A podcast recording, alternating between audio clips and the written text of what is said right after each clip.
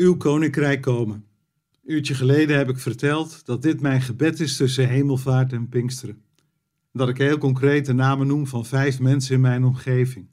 Een gebed om de komst van Gods koninkrijk. Een gebed om de vervulling met de Heilige Geest. Ik ben me ervan bewust dat dit gebed ook mijn doen en laten zal beïnvloeden. Het kan ook niet anders. In het gebed dat Jezus ons geleerd heeft, onze Vader, zie je dat gebeuren. Laat uw koninkrijk komen, wordt gevolgd door laat uw wil gedaan worden, op aarde zoals in de hemel.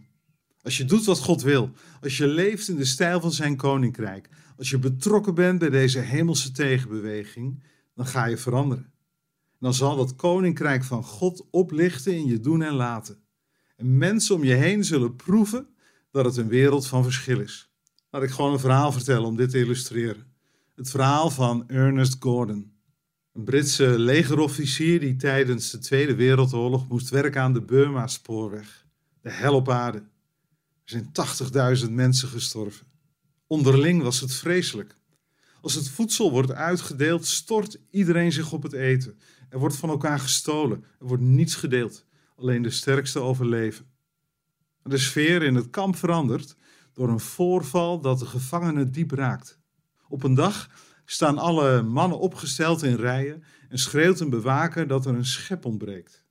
Hij wil weten wie de schep heeft gestolen. En als ze dan angstig stil blijft, roept hij: Dan zullen jullie allemaal sterven. Hij richt zijn geweer op de eerste man in de rij.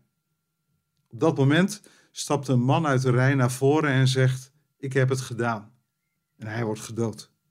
Als die avond het gereedschap wordt geteld, blijkt er een telfout te zijn gemaakt. Er ontbreekt helemaal geen schep. Een van de gevangenen herinnert zich deze woorden uit de Bijbel. Niemand heeft groter liefde dan dat hij zijn leven inzet voor zijn vrienden. het gedrag van de mensen in het kamp begint te veranderen. Ze gaan hun stervende met respect behandelen. Iedereen krijgt tenminste een behoorlijke begrafenis. Elk graf een kruis. Ze krijgen meer aandacht voor elkaar. Er wordt minder gestolen.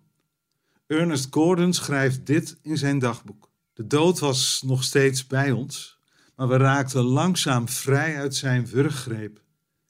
We zagen duistere krachten, zelfzucht, haat, jaloezie, hebzucht, luiheid en hoogmoed. Maar we zagen ook tekenen van leven, liefde, moed, zelfopoffering, sympathie, mededogen, integriteit en creativiteit. Dat waren de gaven van God aan ons, daar in dat kamp. Gordon begint zelf een gespreksgroep. En hij grijpt daarbij steeds vaker terug op het geloof dat hij in zijn jeugd heeft meegekregen. Hij wordt een geestelijk vader en langzamerhand wordt deze tegenbeweging in dat kamp steeds belangrijker. Het koninkrijk van God krijgt handen en voeten op deze duistere plek. Er vormt zich een alternatieve gemeenschap, een radicale tegenbeweging. En deze beweging maakt het verschil. Bid je mee? Uw koninkrijk komen. En beweeg je mee?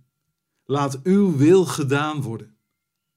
Maak het verschil in de kracht van de Heilige Geest.